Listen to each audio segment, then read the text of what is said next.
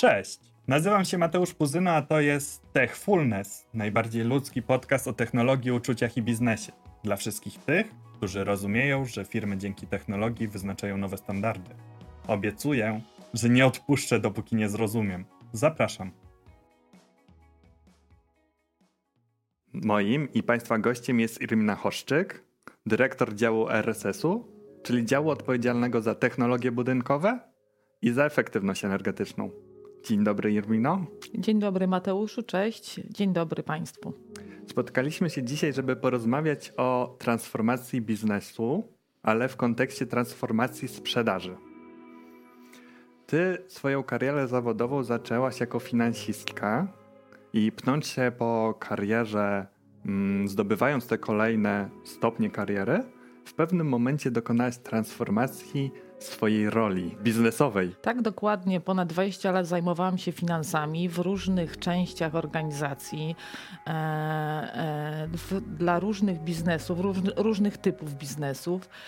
Jakiś czas temu, około roku temu, postanowiłam zmienić swoją ścieżkę zawodową i e, za, za, zaczęłam być odpowiedzialna za biznes od strony biznesowej. Powiedz, bo znamy ten case, ten przypadek sporu pomiędzy finansistami a osobami z biznesu. Jak ty, jak ty jako osoba, która była odpowiedzialna za te finanse, będąca, pod, nazwijmy to po tej drugiej stronie barykady, Dzisiaj odnajdujesz się w tym biznesie. Ja zajmując się finansami byłam określana najbardziej biznesową finansistką w organizacji e, i e, wielokrotnie uczestniczyłam w dyskusjach biznesowych, spotkaniach z klientami, w negocjacjach, ustaleniu strategii biznesowej, strategii sprzedażowej. Bardzo mnie to zawsze interesowało. I oczywiście ja uważam tę rolę finansisty y, jako rolę pomocną dla rozwoju biznesu. To nie ma być ktoś, kto, nie wiem, stoi na straży i będzie tylko przeszkadzał tu za wysokie koszty, tutaj nie możemy tego zrobić, bo to będzie za drogo nas kosztowało. Ja myślę, że rola finansisty właśnie polega na tym, żeby, żeby mając na uwadze wszystkie te aspekty finansowe, e, tak sterować organizacją, tak roztropnie je wydawać, żeby biznes się rozwijał. Czy ja dobrze rozumiem, że dzisiaj rola finansisty to nie jest ten finansista, który siedzi tabelkach i który skrupulatnie liczy wyniki i y, marże. I kontroluje koszty. Tak, kontroluje koszty, ale jest to swojego rodzaju partner w biznesie, który ma właśnie stworzyć tą przestrzeń do rozwoju biznesu. Zdecydowanie i my w naszej organizacji od lat staramy się, żeby te dwie głowy odpowiedzialne za biznes, czyli ta, ta głowa finansowa i głowa biznesowa, e, były e, partnerami wzajemnie dla siebie, współodpowiadają za biznes. Czyli to jest nie tak, że, że jest jakoś ściśle podzielona ich zakres odpowiedzialności e, e, i odtąd dotąd ja odpowiadam jako CFO, a jako CEO odpowiadam tylko za, nie martwię się innymi rzeczami, tylko odpowiadam za tą e, stronę sprzedażową bądź realizacyjną. Nie, to jest współodpowiedzialność. Te osoby powinny ze sobą wzajemnie współpracować, dyskutować i, i, i wtedy wierzę, że, że taki biznes ma szansę na rozwój. Przejmujesz tę nową rolę jako, jak to nazwałaś, najbardziej e, biznesowo nastawiona finansistka, e, bierzesz tę odpowiedzialność, łapiesz za te stery. Jakie są Twoje pierwsze działania? To, że tak powiem, to nie było takie oczywiste od początku, bo, bo to nie zdarza się często, żeby osoba finansowa, nie będąca inżynierem w firmie technologicznej, odpowiadała za biznes. Ja cieszę się, że dostałam taką szansę. Sama zaaplikowałam e, e, na to stanowisko. E, od czego zaczęłam? Od realizowania moich pomysłów, które już miałam wcześniej, bo, bo w organizacji pracuję już wiele lat, wiele rzeczy się nauczyłam. Miałam kontakt z wieloma osobami, osobami, które mnie inspirowały wcześniej. I zaczęłam od właśnie transformacji sprzedaży y, y, i od budowania, zmieniania w zasadzie, ale, ale w niektórych elementach budowania strategii sprzedażowej na, na nowo. Ale Irmina, po co transformacja sprzedaży? Jeżeli wszystko dobrze idzie. A po co transformacja sprzedaży? No, czasy się zmieniają bardzo dynamicznie. Wszyscy to wiemy, wszyscy to obserwujemy. Ostatnie lata, pandemia, zmieniające się ceny energii, e, zerwane łańcuchy dostaw e, bardzo wpłynęło na sposób realizowania sprzedaży, na sposób funkcjonowania firm. E, I to przyspieszyło, myślę, że w wielu przypadkach transformację organizacji, transformację wymusiło jakby na tych organizacjach, żeby, żeby zmienić podejście do, do, do modelu sprzedaży, do mm, zarówno pod kątem, e, pod kątem mm, samych sposobów realizacji sprzedaży, ale też myślenia, co my chcemy zaoferować tym klientom. Czy w takim razie rola handlowca również się zmieniła? Tak, rola bardzo, bardzo, bardzo pokazały nam to cza ostatnie czasy właśnie pandemii, kiedy, kiedy przez wiele miesięcy siedzieliśmy zamknięci. Nie można było odbywać y, kontaktów bezpośrednich z klientami. Nie było żadnych eventów, które standardowo organizowaliśmy dla klientów. E, więc y, to wpłynęło bardzo na, na, na, na nasze relacje, na sposób funkcjonowania. W niektórych przypadkach przyspieszyło transformację. Ja mam to szczęście, że pracuję w organizacji, która już wcześniej w niektórych aspektach przygotowywała się na tą zmianę. To znaczy e, miałam udział e, brać, e, miałam okazję brać udział w projekcie, który mm, no właśnie, bo my chyba tak pierwszy raz współpracowaliśmy poza biznesowo w tym projekcie, a mianowicie mówimy tu o projekcie nowego budynku i tak. zarządzania tak. sobą zmia w zmianie. zmianie. Dokładnie, New Normal teraz to się nazywa. My tak naprawdę byliśmy przygotowani na, to, na ten New Normal zanim wybuchła pandemia e, i biuro to takie wizualne odzwierciedlenie e, e, no, zmian, jakie nastąpiły, ale również próbowaliśmy zmienić naszą organizację, ludzi, przygotować na, na nowe formy pracy, na pracę z każdego miejsca w świecie, e, na, na kontakty właśnie wirtualne, na inne sposoby sprzedaży, e, no i też inne oczekiwania klientów, bo to ważne, że my się zmieniamy też nie dla samej zmiany, ale świat się dookoła nas zmienia i e, stojąc w miejscu, sprzedając standardowe rozwiązania y, standardowymi kanałami dla naszych klientów, którzy ciągle są i tego też oczekują, y, no myślę, że możemy kiedyś y, no, przespać tą, tą okazję i kiedyś stanąć przed trudnymi, e, w trudnej sytuacji, przed trudnymi wyborami, ponieważ tego rynku dla nas zabraknie i ten rynek się jakby zmniejszy drastycznie. To chyba Heraklit powiedział, że jedyną stałą rzeczą w życiu jest zmiana. Dokładnie, dokładnie. I, i to, to chyba to nie trzeba powtarzać. To wszyscy sobie e, zdają sprawę, że, że zmiany następują teraz dosyć szybko. E, i my próbujemy jako organizacja, a przede wszystkim teraz moja organizacja sprzedażowa, bo ja jestem zdania, że wszyscy jesteśmy sprzedawcami, na, niezależnie na jakim stanowisku jesteśmy i jaką funkcję pełnimy, czy to logistyka, czy finanse właśnie, czy, czy zarządzamy jakimiś zespołami, mając kontakt z klientem, my sprzeda coś sprzedajemy, sprzedajemy tą wizję, sprzedajemy pomysły, sprzedajemy e, e, siebie jako organizację. Trzeba za tą zmianą, jak powiedziałaś, nadążyć. Ale jak to zrobić? Jak, jak, mhm. jak to zrealizować? Pomysły mamy, to znaczy pomysły mają nasi ludzie i trzeba temu zaufać, e, bo chyba skończyły się czasy, gdzie, gdzie, nie wiem, był człowiek, który zarządzał organizacją, był tym wizjonerem, liderem e, i nadawał ton. Ja głęboko wierzę w mądrość e, organizacji jako ludzi zrzeszonych pod jakąś, w jakąś grupę i jak e, rozpoczęłam swoją przygodę e, w tym biznesie jako osoba odpowiedzialna za biznes, za rozwój sprzedaży, za, za, za dowiezienie naszych obietnic dla klientów, e, zorganizowałam warsztaty sprzedażowe. To znaczy to tak brzmi łatwo i prosto. Te warsztaty obejmowały szereg etapów. Zaprosiłam do tych warsztatów sprzedażowych e, nie tylko sprzedawców, ale właśnie wszystkie różne osoby z organizacji, zajmujące różne stanowiska i mające różny punkt widzenia. I wspólnie e, przy udziale konsultantów zewnętrznych zaczęliśmy pracować nad, nad, taką strategią sprzedaży, która by była adekwatna do tych zmian, które się dzieją na rynku, adekwatna, a w niektórych przypadkach y, no, kreowała ten rynek, bo, bo oczywiście e, odpowiadając tak jakby pasywnie na potrzeby klientów, to też jest bardzo dobre. No, zawsze należy słuchać klientów, ale, ale dobrze jest też mieć jakiś plan na przyszłość, to znaczy wyprzedzać trendy rynkowe i, i nam się udało to zrobić. Chcesz powiedzieć, że jak będziemy w jakimś obszarze biznesowym pierwsi, będziemy ten biznes kreować, to tak naprawdę nikt nas stamtąd nie zabierze? My już tą no, kotwicę tak, to... technologiczną zarzucimy?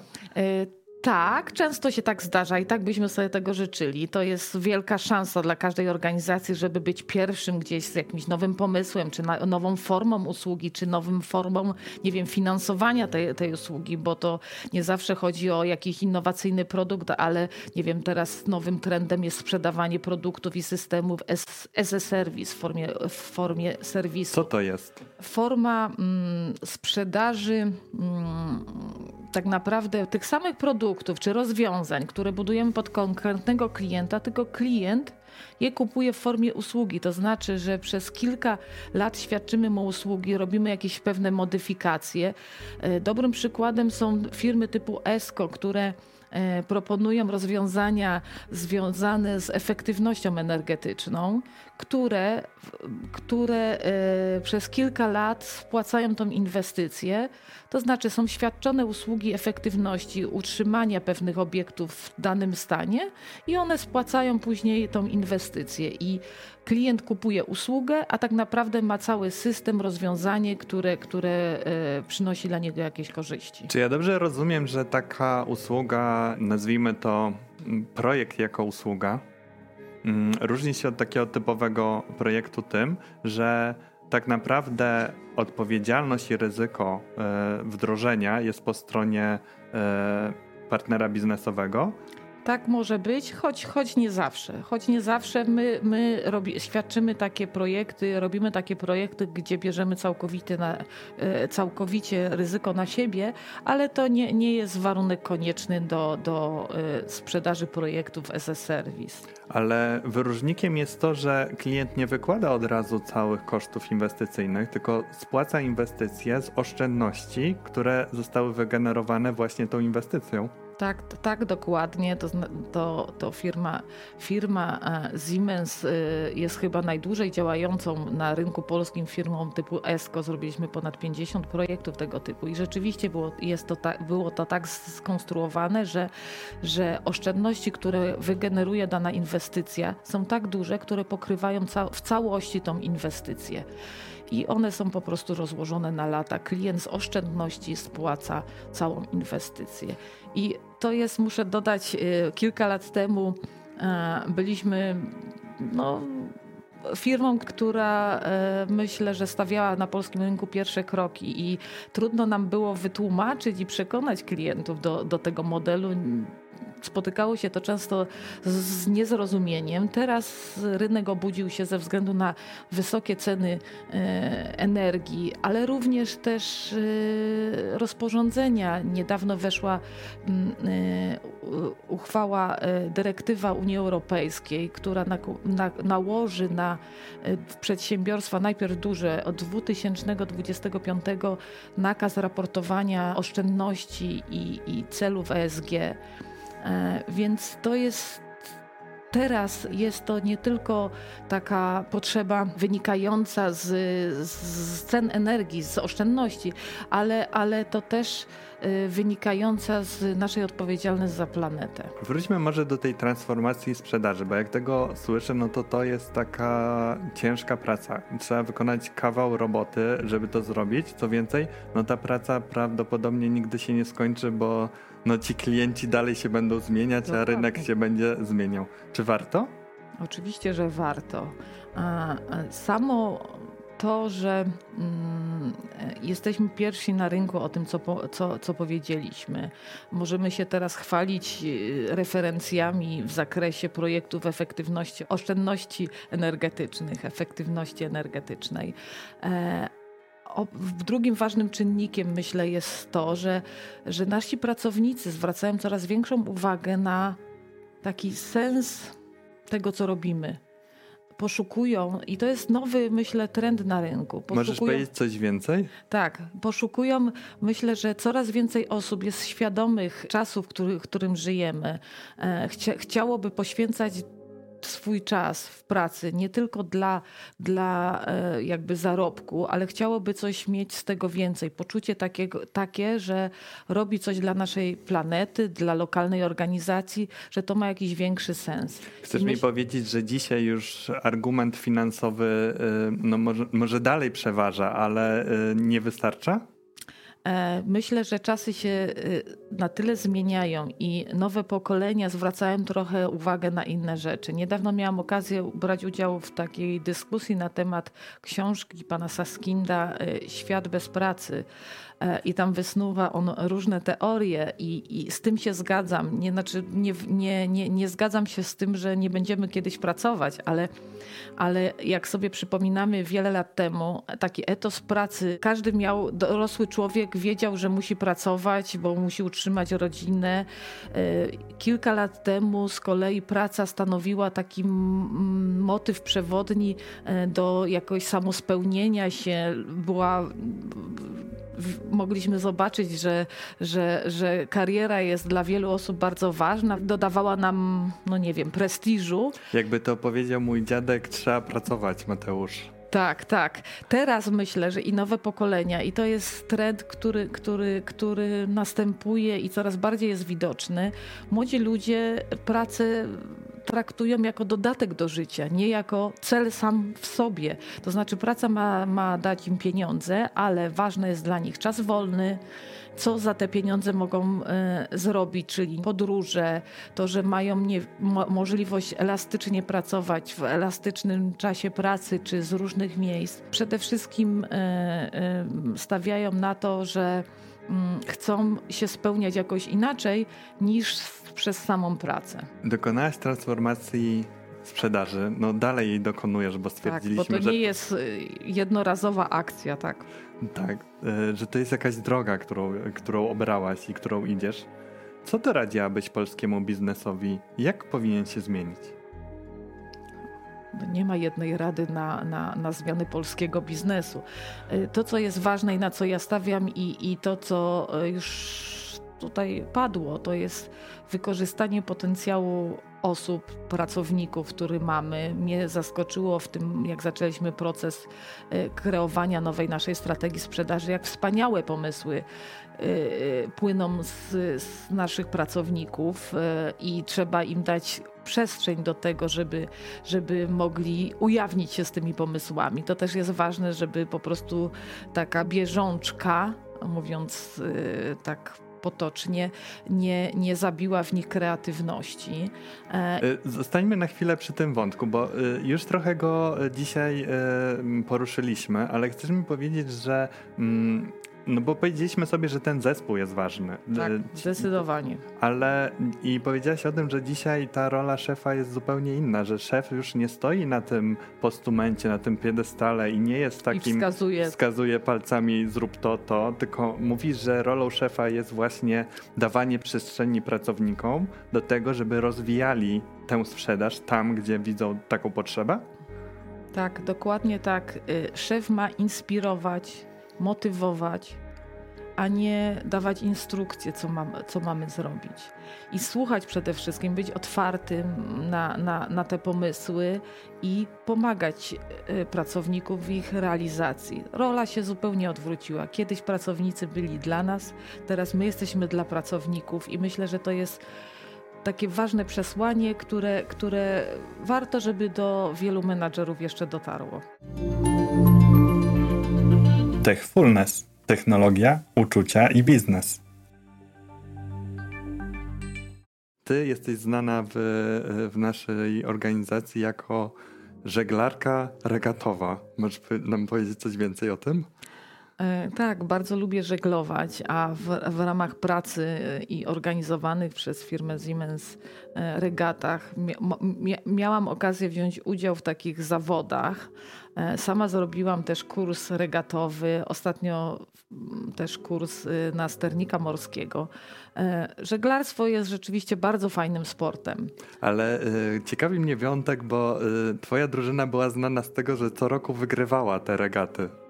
Tak, tak. Y, żeby było jasne, ja na e, Łodzi y, byłam nie wiem, czy można powiedzieć, y, zwykłym majtkiem, to znaczy pomagałam tylko drużynie e, w, w ogarnięciu tej łodzi, a e, sternikiem, czyli głównodowodzącym był nasz pracownik, który bardzo dobrze sobie z tym radził.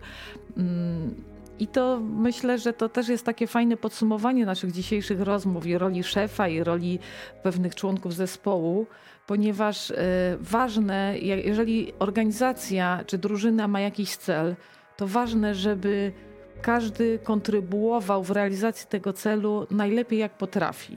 Więc y, ja miałam za zadanie, e, z racji mojej też masy dosyć niewielkiej, pilnować odpowiedniego przechyłu na łódce, bo na regatach to jest niezmiernie ważne. Każdy element robi różnicę, więc ja byłam tym takim najmniejszym odważniczkiem, który przemieszcza się delikatnie po łódce i pilnuje tego idealnego przechyłu. A, a były osoby, które, tak jak powiedziałam, sternik, który kierował nami. E, osoby, które były odpowiedzialne za szoty i za dobre wybranie e, żagli.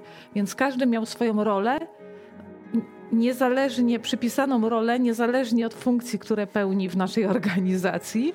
Mm, I, I, dzięki temu, myślę, mm, wygrywaliśmy te regaty. Irmina, na koniec naszego spotkania poproszę Cię o taką puentę, takie podsumowanie dla naszych widzów, e, słuchaczy. Najważniejszą puentą jest to, żeby e, mm, umieć odnaleźć się w danej sytuacji i e, kontrybuować w osiągnięciu celu z pozycji, czy, czy najlepiej jak się potrafi, tak? Że cel tutaj, cel tutaj jest najistotniejszy e, i czasami warto zmienić pozycję, którą zwykle się ma i dzięki temu przyniesie to inną perspektywę, ale też można inaczej zrealizować dane zadanie. Także samych sprzyjających wiatrów Irmina. Tak, I otwartości. I otwartości. Dziękuję, że zgodziłaś się być gościnią naszego programu. Dziękuję serdecznie.